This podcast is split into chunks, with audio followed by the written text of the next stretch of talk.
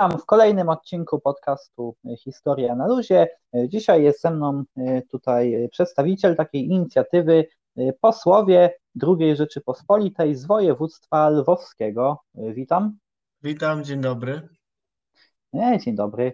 No i z którym właśnie porozmawiamy na temat właśnie posłów z, z wcześniej wymienionego województwa w czasach II Rzeczypospolitej. Tak, słucham. Y, tak, no właśnie tutaj też, y, tak jak stwierdzam, taka ciekawa inicjatywa, nie? Właśnie tutaj ciekawa Tak, inicjatywa. tak. Jest to, jest to na pewno ciekawe, bo dwudziestolecie międzywojenne jest bardzo ciekawym okresem, w którym życie polityczne bardzo się dynamicznie rozwijało. A ja z racji tego, że jestem absolwentem historii, poza pracą zawodową y, też robię doktorat z historii, który powoli zmierza stopniowo ku końcowi i też w swoim doktoracie zajmuję się działalnością posłów z województwa lwowskiego. Dlatego też ta moja strona na Facebooku wiąże się z moim doktoratem i z moimi zainteresowaniami. No właśnie, czyli tutaj jakby inicjatywa jest też, y, też y, pożyteczna zarówno tak. dla, dla, zwyk, dla, dla, dla odbiorców właśnie te i dla tak. ciebie też, nie? Bo, tak, no, bo... dokładnie. Ja się staram, będę się z racji tego, że dostałem kolejny grant na uczelni, a jeden z moich grantów, jakby efektem tego grantu stwierdziłem, że założę też taki fanpage. Natomiast drugą, drugim moim planem jest z racji tego, że dostałem kolejny grant z uczelni, też poświęcony działalnościom posłów z województwa lwowskiego, jest stworzenie strony internetowej, która by zawierała biogramę tych wszystkich posłów. No tak, jest to, no tak, i, i właśnie, no i właśnie, że też jest ważne to, że człowiek jakby wyjdzie jakby z, e, poza Facebooka, Dokładnie, już będzie miał swoją chodzi. domenę tutaj, że się tak, to rozwija. Bo stworzenie takiej prostej strony internetowej, takiej trochę rozbudowanej jest, jest, jest możliwe, to wiele nie kosztuje, tylko trzeba trochę popracować nad tym, no ale założenie takiej strony jest możliwe, bo widać, że jest wiele takich stron regionalnych, popularno-naukowych i one jakoś sobie tam funkcjonują w obiegu. No tak, jest to dobre też o tyle, że, no bo wiadomo, dajmy na to no, w szkołach czy, czy w różnych y, nawet y, filmach dokumentalnych, no to mamy przedstawioną taką historię z perspektywy y, całościowej, a tutaj tak. mamy taką historię przedstawioną z perspektywy danego regionu i to jest tak, też dokładnie, tyle, dokładnie. Tyle też. I też z lokalnej, no bo przecież wielu tych posłów, nie wiem, było z, na przykład z terenu Rzeszowa, Stanoka, Krosna, działało na terenie obecnego Podkarpacia, wcześniej województwa lwowskiego, czyli, czyli jest to taki wątek też lokalny, bo jednak yy, rodziny tych niektórych posłów, one dalej żyją, no, mają, one się co prawda może wiele nie pamiętają o ich działalności, ale no, te, część posłów miała swoje rodziny, więc można powiedzieć, że ta pamięć o nich nie, nie ona dalej trwa. No tak, i być może też rodziny tych y, posłów mogą mieć jakieś na przykład pamiątki po, po, po tak, swoich mogą mieć. i można się dowiedzieć czegoś właśnie. Tak, ja część już z racji swojego doktoratu szukałem takich y, kontaktów, część udało mi się zyskać i część, że tak powiem, jakichś tam materiałów zyskałem, które na pewno są przydatne. A też nie oszukujmy się, że po upływie tylu wielu lat, no osoby, y, jeśli te pamiątki nie były zachowywane, zdjęcia, jakieś dokumenty, no to zazwyczaj niewiele wiedzą o swoich przodkach. Y, no właśnie, to się zgadza, a zwłaszcza też, że, że te, te zawieruchy takie były przecież u nas y, tutaj właśnie, tak, nie? dziejowe, druga tak. wojna światowa, później tak. Y, ten, później tutaj PRL, no i właśnie pamięć o niektórych ludziach mogła zostać Mogła zostać przez właśnie władze komunistyczne umiejętnie została no, utrudniona i do dzisiaj można powiedzieć, że te niektóre działania historyków czy tam regionalistów są potrzebne, no bo pamięć przewracają o takich osobach. No tak, no mogła zostać y, ta pamięć o tych postaciach albo zohydzona, albo w ogóle jakby tak. wy, wymazane te postacie. Albo po prostu zmarginalizowana i to widać, tak. że jest wiele regionów, w którym ludzie po prostu jakby z racji tego, że gdzieś są pasjonatami, a nawet nie zawodowo zajmują się historią, piszą książki i dzięki temu pewne rzeczy wychodzą na jaw, które wcześniej, że tak powiem, nie były wiadome. No właśnie, a tu jednak dwudziestolecie międzywojenne jest to okres, no jak sama nazwa mówi, no 20-21 lat i przez ten okres też właśnie tych, y, no dużo posłów po prostu się przewinęło, no bo było kilka tak. kadencji. Yy, kilka kadencji, tak, było kilka kadencji od Sejmu Ustawodawczego, było kilka kadencji Sejmu. One co prawda istniały niektóre kilka lat, jedne dwa, jeden rok, był nawet Sejm w 38, 39 roku, ale to wiadomo, że wybuch wojny y, świat, światowej spowodował, że ta kadencja była krótka. Natomiast mimo wszystko no, tych posłów było wielu i na pewno y, zasługują gdzieś tam na zainteresowanie. No właśnie, a tutaj, no i jakby tutaj zaczynając od, od um, odzyskania właśnie przez Polskę niepodległości, no to jak to na przykład wyglądało tutaj właśnie, że dajmy na to w tych, tych początkowych istnienia, w, początkowym okresie istnienia II Rzeczypospolitej, no to posłowie, posłowie z województwa lwowskiego, to jakby jaka orientacja polityczna tam e, przeważała? Tak, e, tak e, Trzeba na wstępie powiedzieć, że samo województwo lwowskie tak od 20-21 roku możemy o nim mówić, z racji tego, że Polska po odzyskaniu niepodległości no, musiała się zmierzyć z wieloma problemami, a jedno było ujednolicenie nie tyle granic, ukształtowanie jedno, to, to był jeden etap, ale też jakby zmiana administracji. Jednak scalenie trzech byłych ziem zaboru w jeden organizm, nie polity, państwowy, nie było to proste. W związku z tym y, o województwie lwowskim możemy mówić 20, we wrześniu 20 roku, od 21 już ono wtedy jest. Więc e, jeśli chodzi o orientację polityczną tych posłów, to już można powiedzieć, w wyborach do Sejmu Ustawowego z, z terenu województwa lwowskiego przede wszystkim dominowały przedstawiciele partii chłopskiej, czyli chłopi, rolnicy, którzy gdzieś tam działali na terenie swoich wsi, miejscowości, powiatów i oni z danych okręgów byli wybierani, więc były to partie przede wszystkim PSL Piast. To była taka partia w dwudziestoleciu bardzo ważna, która powstała y, z rozłamu który się dokonał w Polskim Stronnictwie Ludowym w 2013 roku, na mocy którego powstało PSL Wyzwolenie PSL Piast. Tylko, że PSL Wyzwolenie na terenie byłego ziem, byłego, ziem byłego Królestwa Polskiego, które potem weszły w skład drugiej RP, one tam, tam dominowały. Ta partia miała największe poparcie, natomiast y, na terenie Galicji PSL Piast miał bardzo mocne poparcie i na terenie województwa lwowskiego zwłaszcza. I właśnie jeśli chodzi o orientację polityczną posłów, to przede wszystkim są to posłowie PSL Piast. Zdarzają się też posłowie takiej partii jak PSL Lewica, była to bardzo radykalna partia, y, która po prostu się różniła zarówno od wyzwolenia Piasta, ona, ona po prostu była partią bardziej radykalną, głoszącą takie radykalne hasła. Były też, by, zdarzali się też przedstawiciele partii robotniczej socjalistycznej PPS-u, Polskiej Partii Socjalistycznej, byli też przedstawiciele, nieliczni przedstawiciele Y, obozu narodowego, czyli Związku Ludowego Narodowego. I byli też, przy, i, no i to są głównie takie przede wszystkim z naszego terenu postacie. Tacy przede wszystkim posłowie, którzy wywodzili się z tych, z tych ruchów politycznych. No tak, no bo jakby y, jaka była reprezentacja, y, dajmy na to, Y, w, w, w, parlamencie danego regionu, to po prostu też zależy od warunków y, panujących w danym regionie. Na przykład, jeżeli był to region wiejski, na przykład, no to wiadomo, że będą, będzie w parlamencie z tego regionu dużo przedstawicieli, na przykład y, no, partii właśnie chłopskich, czy albo, albo socjalistycznych na przykład. Dokładnie, znaczy tak, z tym, że wiadomo, że partie socjalistyczne miały zazwyczaj większe poparcie w miastach. No i zazwyczaj bywało tak, że w miastach więcej, że tak powiem, na przykład robotników głosowało na, na partię socjalistyczną. Natomiast chłopi przede wszystkim głosowali na innych chłopów, którzy no, posiadali jakieś tam, jedni posiadali większe doświadczenie polityczne, inni mniejsze, ale gdzieś działali bardzo w terenie, byli znani, no i, i chłopi w związku z tym głosowali na takich właśnie, na innych i na innych chłopów. No tak, no bo jest, jest się to... na listach.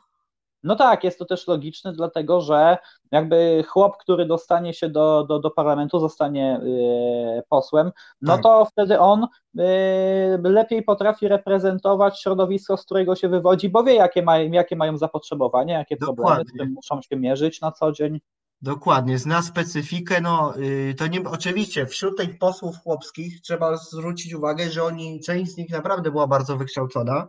Zdarzali się też tacy, którzy kończyli edukację elementarną gdzieś na szkołach ludowych, na przykład pięcio, to już zależało od specyfiki. Natomiast niektórzy byli, zdarzali się tacy posłowie, którzy skończyli bardzo szybko swoją edukację na szkołach elementarnych, ludowych ale, ale z racji tego, że bardzo się interesowali wieloma kwestiami, sami czytali, prenumerowali jakieś konkretne dzienniki prasowe czy gazety, które wychodziły gdzieś na terenie danego powiatu, wsi, starali się szukać nowe książki, wypożyczać na, na miarę własnych możliwości, kupować. Choć oczywiście no, głównym, że tak powiem, chłopi nie kupowali tyle książek, co może inteligencja. No to wynikało przede wszystkim z warunków bytowych, finansowych. Natomiast mimo wszystko ci posłowie niektórzy, pomimo tego, że nie mieli takiego wykształtowania sensu stricte, to bardzo sami potem byli takimi samoukami. I, i, to, I oni się bardzo wiele samych rzeczy uczyli, po, przez swoje też doświadczenia i później wchodząc do parlamentu, oni co prawda nie mieli takiego doświadczenia jak inni ci posłowie, chłopcy, którzy na przykład byli w parlamentach zaborczych, czy na przykład do Rady Państwa, czy do Sejmu Krajowego Galicji, ale mimo wszystko ci posłowie bardzo widać było, byli obyci przynajmniej w tym, co mówili, czyli widać było, że znają się na, na problemach, albo przynajmniej próbują się znać na problemach, które poruszali w Sejmie. No tak, no choćby tutaj, dajmy na to, sam, sam lider ruchu ludowego tutaj właśnie w Polsce, Wincenty Witos, no, który nie miał jakichś wielkich szkół skończonych, a po pierwsze tak. właśnie, tak jak mówiłem, był, był liderem ruchu y, ludowego i no i był też jednym z ojców polskiej niepodległości. Dokładnie, oczywiście, no jak mówimy o ruchu ludowym, to oczywiście jest też Jan Sapiński, czy na przykład Jakub Bojko, to chyba jedna z najważniejszych, bo tego Witosa postaci związanych z ruchem ludowym, którzy też w pewien sposób założyli y, ruch ludowy w Polsce ówczesny w XIX wieku, więc y, oczywiście Wincenty Witos, ale nie można zapominać o Janu Stepińskim, Jakubie Bojko, bo oni to też bardzo ważni, którzy w dwudziestoleciu też odegrali bardzo ważną rolę działaczy. No tak, a później właśnie po przewrocie majowym, jakby gdy, gdy jednak tutaj nastał w Polsce czas y, sanacji, no to z, z jakby repre, y, ka, kandydat posłowie wybrani właśnie z terenu województwa lwowskiego, to dalej, dalej po prostu wywodzili się z ruchu ludowego, czy wtedy się to jakoś tam zmieniło? Znaczy tak, jak po przewrocie majowym, tak? Mhm, tak. Jeśli chodzi, to tak, no, no mimo wszystko, pomimo tego, że przewrót majowy, no można zmienić, przewrót majowy jest takim momentem dziejowym, jednym z najważniejszych momentów politycznych, w ogóle w historii okresu dwudziestolecia międzywojennego, II Rzeczypospolitej, bo on zmienia wszystko, zmienia sytuację zewnętrzną, wewnętrzną po części, gospodarczą, bo przychodzi do władzy, do y, poza Józefem Piłsudskim, do władzy dochodzi też obóz sanacyjny, oczywiście na czele Józefem Piłsudskim. I w związku z tym y, zmienia się wiele, opozycja trochę zostaje coraz bardziej zepchnięta na margines, co y, i ale mimo tego widać na terenie, w początkowym tym okresie, tak powiedziałbym nawet do, widać to idealnie, to pokazały wybory w 28 roku w marcu, które na przykład na terenie województwa lwowskiego, takiego okręgu rzeszowskiego, wygrał, yy, wygrało stronnictwo chłopskie, które wprowadziło praktycznie rzecz biorąc wszystkich, chyba jeśli z tego co pamiętam, poza jednym swoim kandydatem, większość większość posłów prowadziło z tego, z tego terenu. To było bodajże sześciu posłów mogło wejść, czy chyba siedmiu, natomiast jeśli z tego co pamiętam, czterech się dostało. I to było mam pokaz- i było wiele takich przykładów, yy, że mimo tego, yy, tego, tej dominacji obozu sanacyjnego, rosnącego takiego marginalizowania innych sił opozycyjnych, to mimo wszystko na terenie województwa lwowskiego w tym, w tych takich początkowych latach yy, gdzieś te partie chłopskie, one miały mimo wszystko duże poparcie.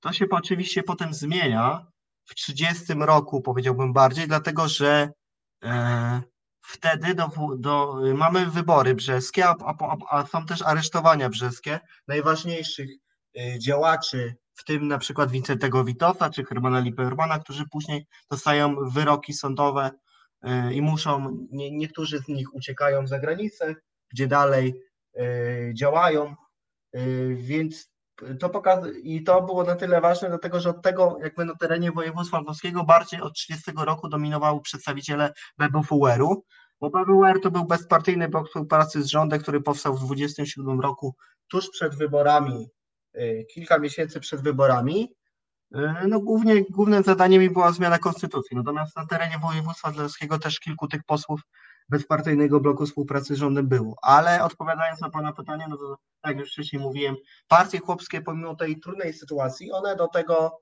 e, one się mimo wszystko mocno trzymały i czy przedstawiciele partii chłopskich na terenie województwa włoskiego też byli wybierani w kolejnych, w kolejnych, w kolejnych kadencjach Sejmu. No tak, no bo jakby po, po y, potrzeby, potrzeby y, danego regionu pozostały te same i tak. mieszkańcy regionu wiedzieli po prostu, kto będzie w stanie tam ich godnie reprezentować. Dokładnie, a te partie też nie wystawiały czas często kandydatów, którzy na przykład byli posłami w poprzednich kadencjach i w związku z tym one już, nie powiem, że z automatu, natomiast było, y, to było dosyć mądre posunięcie, nie oszukujmy się, że w dzisiejszej, w dzisiejszej polityce robi się podobnie. Wiadomo, czasy się zmieniły bardzo i okoliczności. Ale wystawiając kandydata, który wcześniej był posłem, no jest większa szansa, że on znowu dostanie mandat, ponieważ wyborcy już dostają. Tak, no i jeżeli, jeżeli też właśnie się sprawdził, nie? Że, tak. że po prostu ma zaufanie no tutaj wy, wyborców. No właśnie, a tutaj y, posłowie, posłowie właśnie wywodzący się z, z wybrani z terenu województwa lwowskiego to właśnie później byli jakoś właśnie też tutaj właśnie, chodzi mi o właśnie ten, ten proces brzeski, a później o obóz w Berezie Kartuskiej, to jak to wyglądało? Z tego terenu, jeśli chodzi o wybory brzeskie, a później aresztowania brzeskie i sam proces, to przede wszystkim takim, no z terenu województwa lwowskiego jest główny jeden poseł, to jest Herman Lieberman. To jest poseł związany z Polską Partią Socjalistyczną, który i w wyborach do Sejmu Ustawodawczego i w kolejnej kadencji Sejmu E, i w 28 roku, z tego co dobrze też pamiętam, został wybrany e, posłem był, więc y, i był też prawnikiem, który bardzo działał, był bardzo związany z przemyślem, on właśnie z okręgu przemyskiego był wybierany. I on y, to jest, on właśnie też, że tak powiem, aresztowania brzeskie też jego nie ominęły. I, i też dostał proces, i też w wyniku procesu brzeskiego też kilka lat dostał więzienia, później gdzieś tam działał też na obczyźnie, czy we Francji, czy później też był dosyć ważną postacią, można powiedzieć. No tak, bo on chyba tam nawet zmarł na emigracji, nie? Właśnie tak, dokładnie, ale mimo wszystko on gdzieś dalej działał i w tych swoich poruszanych artykułach publicystycznych też nie mijał spraw polskich, więc Herman Lieberman, którego nawet są wspomnienia wydane w swoich bibliotekach wypożyczeń są bardzo ciekawe, no był osobą chyba z naszego, którą można by y, wielu posłów z tamtego czasu mogłoby naśladować, pomimo tego, bo on bar, miał bardzo wysoką kulturę osobistą. Nie, był, nie, tylko, nie tylko był osobą bardzo wykształconą, ukończył między innymi prawo w Wiedniu, znaczy prawo, jeśli dobrze pamiętam, w Lwowie, ale był osobą y, bardzo wykształconą, ale bardzo kulturalną w stosunku do przeciwników politycznych. Czyli na przykład jak miał przemówienia w parlamencie na forum Sejmu, y, to, to on nie atakował wprost swoich przeciwników. Y, bo wiadomo, każdy poseł w, w danym przemówieniu też część rzeczy zarzuca, na obecnemu rządowi, czy, czy innym ekipom, które rządziły, lub innym siłom politycznym, które dziś odgrywają ważną rolę w danym państwie, a on mimo wszystko miał taką wysoką kulturę polityczną. I to naprawdę, jak się czyta jego przemówienia, nie tylko widać, że on, widać u niego taką znajomość tej problematyki, problematyki co porusza, którą porusza w swoich przemówieniach, ale przede wszystkim taką taką kulturę właśnie w stosunku do przeciwnika politycznego, gdzie on wprost nie atakuje. Oczywiście z jego wystąpień można wyczytać, pod, w jakim one kierunku zmierzają, jakie może siły polityczne atakują, ale wprost on ich nie atakował, więc miał bardzo wysoką kulturę polityczną. No i to niewątpliwie zasługuje na uznanie, myślę, że w, w ówczesnym świecie, a nawet, a, a, a zwłaszcza w okresie dwudziestolecia międzywojennego. No tak, a tutaj jeżeli chodzi o właśnie o ten późniejszy czas, czyli o ten obóz w Berezie Kartuskiej, to tam jacyś posłowie właśnie z tego terenu znaczy, też? Ludzkiego tam paru się znalazło, ja tak panu nie przytoczę dokładnie. Jasne. Y, z Berazy Kartuskiej generalnie byli przede wszystkim posłowie mniejszości narodowej. Z jednej strony byli to ukrai ukraińskie posłowie też z ukraińskich partii, natomiast przede wszystkim byli tam przedstawiciele obozu narodowego. I Beruca Katuska też była wymierzona w, po części też w obóz narodowy, który, y, no nie oszukujmy się, że po przejęciu Piłsudskiego przez władzę i obóz sanacyjny w maju 26 roku, obóz narodowy z każdym kolejnym rokiem traci, traci na znaczeniu, ponieważ y, można powiedzieć, że do 26 roku obóz narodowy w Polsce odgrywa jedną z najważniejszych ról, ponieważ w wyborach do Sejmu Ustawowczego y, wygrał wybory, zdecydowanie. Sam y, był na, na przykład Związek Ludowo-Narodowy był najliczniejszym klubem, klubem w Sejmie Ustawodawczym. No tak, no a jeszcze później obóz narodowy tutaj przeżywał też w latach 30. te rozłamy właśnie. Też. Tak, były rozłamy, zdało się, tak, rozłamy, były konflikty wewnętrzne, y, więc y, to nie tylko w obozie narodowym, generalnie każda partia w dwudziestoleciu miała swoje problemy, ale obóz narodowy no, nie był jednolity, no i, i no, te problemy na pewno też na to wpłynęły, ale nie oszukujmy się, że działania obozu sanacyjnego miały bardzo duży wpływ na to, jak ten obóz narodowy tracił na znaczeniu.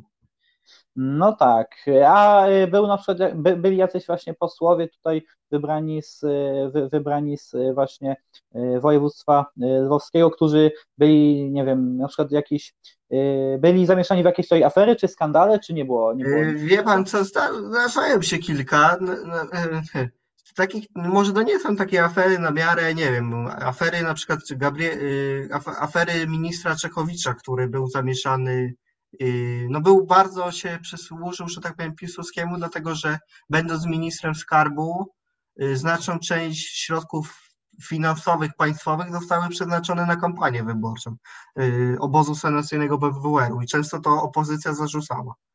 Nawet miał iść pod Trybunał Stanu Czechowicz, minister, no ale w końcowym rozrachunku za chwilę Sejm upadł, y, trzeba było rozpisać nowe wybory i i, i tego nie było. Natomiast jeśli chodzi o, nic mu się takiego nie stało. Natomiast jeśli chodzi, czy byli, no zdarzali się posłowie, którzy mieli, że tak powiem, zatargi z innymi posłami. Na przykład poseł Stapiński, że tak powiem, a, który był wybrany z terenu Krosna Sanoka, e, z tamtych przede wszystkim terenów Krosnieńskiego, a był też bardzo ważną postacią obozu e, ruchu narodowego, tylko należał do PSL Lewicy, później działał w Związku Chłopskim który później był profanacyjny i też e, często zarzuca się zarzucali Stapińskiemu na przykład Witos, że on był zapatrzony czasami ślepo w Piłsudskiego, no bo też nie, z ruchem chłopskim jest tak, byli część działaczy, którzy byli e, krytykowali Piłsudskiego i to im się nie zmieniło. Oni go szanowali, ale go bardzo krytykowali. Była część działaczy, która była niego bardzo zapatrzona i pomimo tego, że dokonał przewrotu majowego czy innych działań, które nie do końca były zgodne z prawem, bo przecież przewrót majowy był zamachem stanu e, tak naprawdę, więc e, Jan Stapiński bardzo często z, z nie mogli się dogadać po prostu. To były dwie wielkie osobistości na pewno w ruchu ludowym, w obozie, można powiedzieć, w ruchu ludowym, w, partii, w partiach chłopskich, natomiast odkąd się te ich drogi rozeszły w 2013 roku, to oni tak naprawdę, jak widać w niektórych artykułach publicystycznych bardzo siebie krytykowali. I to jest bardzo, że tak powiem, trochę specyficzne, a zarazem ciekawe, że ci posłowie nawet z naszego terenu, oni często krytykowali siebie. Na przykład był taki poseł Jan Pieniążek, który y, krytykował swojego kolegę, y, który też Bruno, był taki poseł chyba Bruno Gruszka, on był w 22-27 roku wybrany posłem z okręgu jarosławskiego E, związany z partią PSL Piast, do której należał też poseł Pieniążek, który z okręgu przeworskiego był posłem. I w Sejmie Ustawodawczym i w 20 i w kolejnej kadencji Sejmu. I ten poseł Pieniążek wszedł w 28 e, wyborach w marcu 1928 roku, natomiast poseł Gruszka nie, ale co ciekawe znalazł się taki list, w którym Y, poseł Pieniążek bodajże pisał do Wincentego Witosa w okresie chyba trwania kampanii wyborczej w 28 roku, albo jak ona się, jak trwała, że już za chwilę się miały być wybory y, do Sejmu i do Senatu, że poseł Gruszka jest, nie jest zbyt aktywny, że mało się udziela, tak mniej więcej streszczam. I to było bardzo ciekawe, że pokazywało, że nawet we własnej partii widać było, że że nie ma takiego zaufania do wszystkich, że posłowie też, każdy gra dla siebie, bo nie oszukujmy się, że poseł, poseł czasami nie był tylko, e, że tak powiem, starał się robić dobrze, e, dbać o problemy regionu czy ojczyzny, ale też e, chwytał się różnych chwytów. Też była takich, no jak to, z, jak to z polityką, no w polityce wszystkie, wiele chwytów jest, że tak powiem, kolokwialnie mówiąc, dozwolonych i to jest taki przykład tego, że we własnym gronie też siebie krytykowali nawzajem. Więc takich typowo afer nie ma, natomiast yy, zdarzały się na przykład, dosyć ciekawa była taka sprawa, był taki poseł Jansowy, to był poseł wybrany z okręgu łańcuskiego yy, i w Sejmie Ustawodawczym w kolejnych kadencjach i w 22 roku, później w 28 do 30 roku był posłem. I on yy, w 20 którymś roku, już teraz dokładnie nie pamiętam, chyba siódmym albo, albo szóstym, y, była taka sprawa przeciwko niemu, która y, chodziło o to, że, on, że wynikało z tego, że pożyczył, pożyczył 1000 zł ten poseł Jansobek od pewnego Żyga, y, który się nazywał Greenback. Jego imienia ciężko, ciężko gdzieś źródłach zweryfikować, natomiast ten, ten Żyd miał e, pędzalnię, pędzalnię w bawełny. I no miał tu, w związku z tym no, być może dysponował pewnie e, taką kwotą, która pozwalałaby da, dać mu pożyczkę, więc dał tą pożyczkę w wysokości 1000 zł temu posłowi Słupkowi, natomiast później y, panowie oboje się y, przez krytykowali i jednocześnie toczyła się rozprawa sądowa, która w wyniku której, ponieważ ten, y, ten Greenback, który miał właśnie tą przędzalnię bawełny bodajże chyba w Rzeszowie, on oskarżył właśnie posła Sobka, że nie zwrócił mu tej pożyczki i tak dalej, i tak dalej. Więc jeżeli nie zwrócił i w związku z tym w końcowym rozrachunku była rozprawa sądowa i ten poseł Sobek w wyniku wyroku sądowego y, została mu potrącona dieta poselska przez y, pewien, przez pewien czas w wysokości 1000 zł.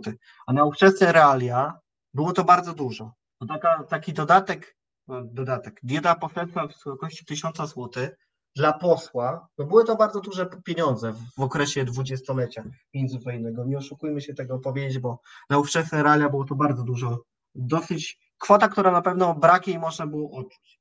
I później oczywiście w końcu, później po śmierci tego Żyda bodajże, albo jednych ze świadków, to już dokładnie nie powiem, musiałbym sobie to sprawdzić w swoich materiałach archiwalnych, które zebrałem w wyniku kwerent, wynikało właśnie, że pokazywało to, że ci właśnie tak jak wcześniej się pan pytał, że ci posłowie też. No to jest taki jeden przykład tej sprawy. On później ta sprawa została umorzona, yy, bo w 30 którymś roku, ale, ale to było dosyć ciekawe, bo pokazywało, że ci posłowie nie tylko, yy, że tak powiem, szczycili się, dostawali zaproszenia na różne wydarzenia, wydarzenia kulturalne, czy jakieś tam pogratulacyjne listy, i tak dalej, ale też zmierzali się z krytyką i też z wyrokami, na przykład sądowymi i ten właśnie ta sprawa jest taki przykład. Więc, taki, więc to są takie przykłady, które bym mógł tak przytoczyć. Mm, tak, a tutaj właśnie yy, a tutaj właśnie jeż, yy, też y, jeżeli właśnie chodzi o tych właśnie wybranych z, z właśnie terenu województwa y, lwowskiego, no to jakby y, byli tacy posłowie, którzy później na przykład y, odegrali jakąś taką większą rolę w czasie II wojny światowej, na przykład w ruchu konspiracyjnym, albo tutaj w, albo tutaj w rządzie polskim na, na uchodźstwie? Znaczy na pewno kilku posłów się znajdzie. Znaczy nie, nie byli oni, część z, nich, część z nich gdzieś tam działała, tak? Część z nich w wyniku yy, czy to działań, y, czy to działań Sowietów, czy Niemców, no po prostu zginęli. Takich posłów jest wielu, to nawet nie, nie tylko z terenu województwa lwowskiego, na przykład z Wincentem Witosem widzimy, co się potem dzieje. Część no posłów tak. Y, działała, a nawet po okresie, jak się druga wojna skończyła i zaczęła przejmować, y, komuniści zaczęli instalować swój rząd, zaczęli, no, zaczęli rządzić powoli w Polsce i dokonywać swoje działania, to część tych posłów, byłych już posłów, bo oczywiście byli posłami, ona nadal działała. Część się wycofywała ze swojej kariery, a część gdzieś tam starała się działać. nie oszukujmy się, że komuniści mieli swoje metody, odpowiedni aparat, odpowiednie służby i takie osoby miały bardzo utrudnioną działalność. Więc to są takie przykłady. Więc ci posłowie oczywiście część z nich działała, część nie. Y, no tak, no właśnie, tak jak tutaj pan, y, pan mówi, to właśnie w, y, no w, w Polsce Ludowej ci właśnie posłowie mieli, mieli utrudnioną, utrudnioną tutaj właśnie działalność, byli też tak. tam niektórzy represjonowani. Nie? Na przykład takim przykładem jednego z takich działaczy, który działał posłów jest, jest Herman Lieberman, o którym wspomniałem, który po wybuchu II wojny światowej był na przykład był bliskim współpracownikiem generała Władysława Sikorskiego. On był jednym z, wice, z trzech wiceprezesów Rady Narodowej Rzeczypospolitej Polskiej. To był emigracyjny parlament, który był utworzony w Paryżu, natomiast y, od września do 20 października 1941 roku był ministrem sprawiedliwości w trzecim rządzie Władysława Sikorskiego, więc to jest właśnie przykład tego, że ci posłowie dalej działali na obczyźnie, na emigracji. No tak, no tak. I tutaj mm, tak mi się wydaje, że chyba powiedzieliśmy tutaj te właśnie takie najważniejsze rzeczy. No chyba, że chciałby Pan jeszcze coś dodać. Wie Pan co, myślę, że można by wspomnieć, bo pytał się Pan wcześniej o takich posłów, których, yy, że tak powiem, yy, niedobrze się, przysłu- znaczy, niedobrze się przysłużyli yy, dla, dla Polski, znaczy może nie aż tyle, ale mieli jakieś tam swoje yy, za uszami, tak można powiedzieć kolokwialnie mówiąc. No takich posłów na przykład jest taki, nie wspomniałem, a bardzo ciekawa postać, poseł Tomasz Dobal. To był poseł, który początkowo działał y, w ruchu ludowym. Y, on pochodził z okolic Tarnobrzega, z tego okręgu został wybrany posłem do Sejmu Ustawodawczego. Natomiast on początkowo działał z, z Wincentem Witosem, z ruchem ludowym, później działał y, razem z księdzem Okoniem w takim chłopskim stronnictwie radykalnej, później działał w, takiej, w takim dwuosobowej partii, można to nazwać partii, no była to bardzo malutka, w ruchu bardziej takim frakcji sejmowych posłów komunistycznych razem z posłem Stanisławem Wojciechowskim, też z tego terenu, tylko z okręgu y, jarosławskiego. Y, więc to był bardzo ciekawy poseł, dlatego że postać, ponieważ jak sobie można nawet wygooglować w internecie na różnych, na różnych stronach internetowych, Wiele napisano na temat Tomasza Domala. On jest znany przede wszystkim z Republiki Tarnobrzeskiej, ponieważ 6, 6 listopada 1918 roku powstała, została, y, powstała na, w wyniku tam y, odpowiednich uchwał, y, powstała Republika Tarnobrzeska na takim 30-tysięcznym wiecu w Tarnobrzegu, na którym bardzo licznie udział mieli chłopi. Właśnie wraz z księdzem Okoniem Tomasz Dąbal utworzył Republikę Tarnobrzeską która była no, bardzo ciekawa, natomiast jej nie będę tak teraz poświęcał czasu, na pewno zasługuje ona na gdzieś tam nawet może oddzielny podcast czy odcinek. I on na bazie tej Republiki Tarnobrzeskiej, tych nastrojów został wybrany właśnie posłem do Sejmu i był bardzo aktywny, natomiast ta jego aktywność miała też drugie oblicze. Skończyło się to tym, że e, poseł Dąbał był bardzo radykalnym posłem.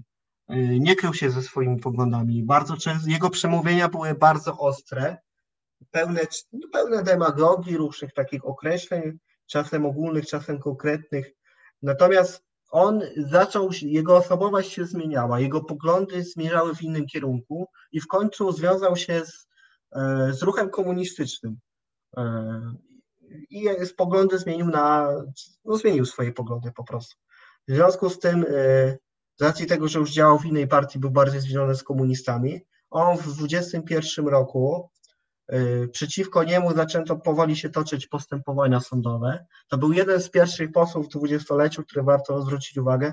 Przeciwko niemu y, został wydany przez Sejm z sądu, ponieważ Sejm wydał go sądom, w wyniku wyroku sądu, okręgu, Sądu Okręgowego w Warszawie w 28, 1922 roku został y, pozbawiony immunitetu poselskiego, ale jednocześnie y, dostał 6 lat ciężkiego więzienia, więc nie tylko stracił immunitet poselski, przestał, stracił mandat poselski, ale też dostał wyrok sądowy. Później w wyniku amnestii on uciekł, ale uciekł do Związku Radzieckiego, gdzie na przykład w 1934 roku został doktorem nauk ekonomicznych. No bo poseł Dombal, pomimo swoich poglądów i działalności, był bardzo wykształconą na ówczesne realia osobą, y, posłem, działaczem, więc to jest taki właśnie ciekawy przykład, że zdarzali się też posłowie, którzy nie tylko działali, starali się troszczyć o sprawy regionów, ale ich działalność, że tak powiem, stała się na, stała na świeczniku i w związku z tym przez swoje wybory, decyzje, no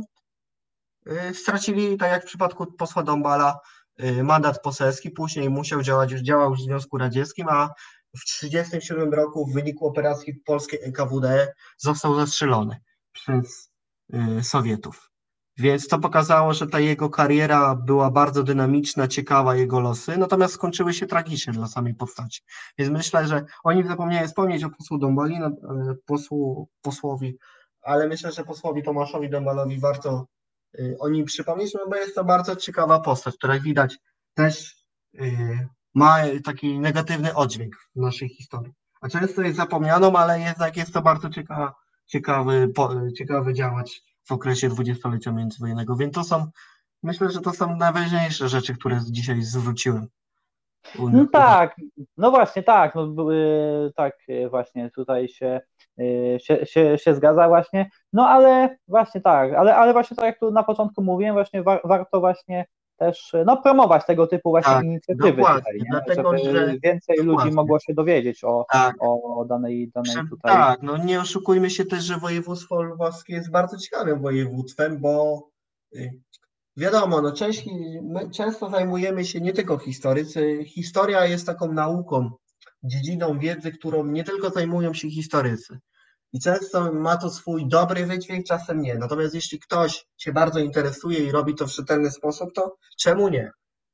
Dzisiaj y, mamy wiele możliwości i w internecie różne mamy y, technologie idą do przodu. Myślę, że takie działania warto podejmować, żeby ta historia nie była tylko zlepkiem pewnych dat, y, ponieważ w historii nie o to chodzi. Daty są ważne, natomiast daty są początkiem, a najważniejsze są procesy, wydarzenia, żeby starać się rozumieć co było przyczyną, co było skutkiem, dzięki i, i jakby e, poznawać tą historię i dowiadywać się, że jednak nasi przodkowie, oni też zmierzyli się różnymi problemami, ale pomimo tego działali na wiele, na wiele frontów i część z nich oczywiście działała dobrze, część się przysłużyła źle Polsce, ale mimo wszystko każdy gdzieś na tych kartach historii w mniejszy lub większy sposób się zapisał. Więc województwo lwowskie jest na pewno bardzo bardzo politycznie, nie tylko kulturowo, gospodarczo. Oczywiście Lwów jest najważniejszym tam miastem, jest stolicą y, województwa lwowskiego, ale jest bardzo ciekawe, to życie polityczne jak y, przez, mam nadzieję, w krótki sposób, bo oczywiście można było o województwie lwowskim, w ogóle o życiu politycznym w dwudziestoleciu rozmawiać przez wiele godzin, myślę. Mimo wszystko starałem się pokazać, że ono, że to życie polityczne w dwudziestoleciu, zwłaszcza w województwie lwowskim, było bardzo ciekawe historii. Część miała swój pozytywny wydźwięk, część negatywny, ale często tak w historii bywa. Mm, tak, e, prawda. No i właśnie e, dziękuję tutaj e, panu za, za, za przybycie tutaj właśnie, za podzielenie się też właśnie tutaj wiedzą. Dziękuję, dziękuję bardzo. Dziękuję słuchaczom za wysłuchanie tutaj odcinka.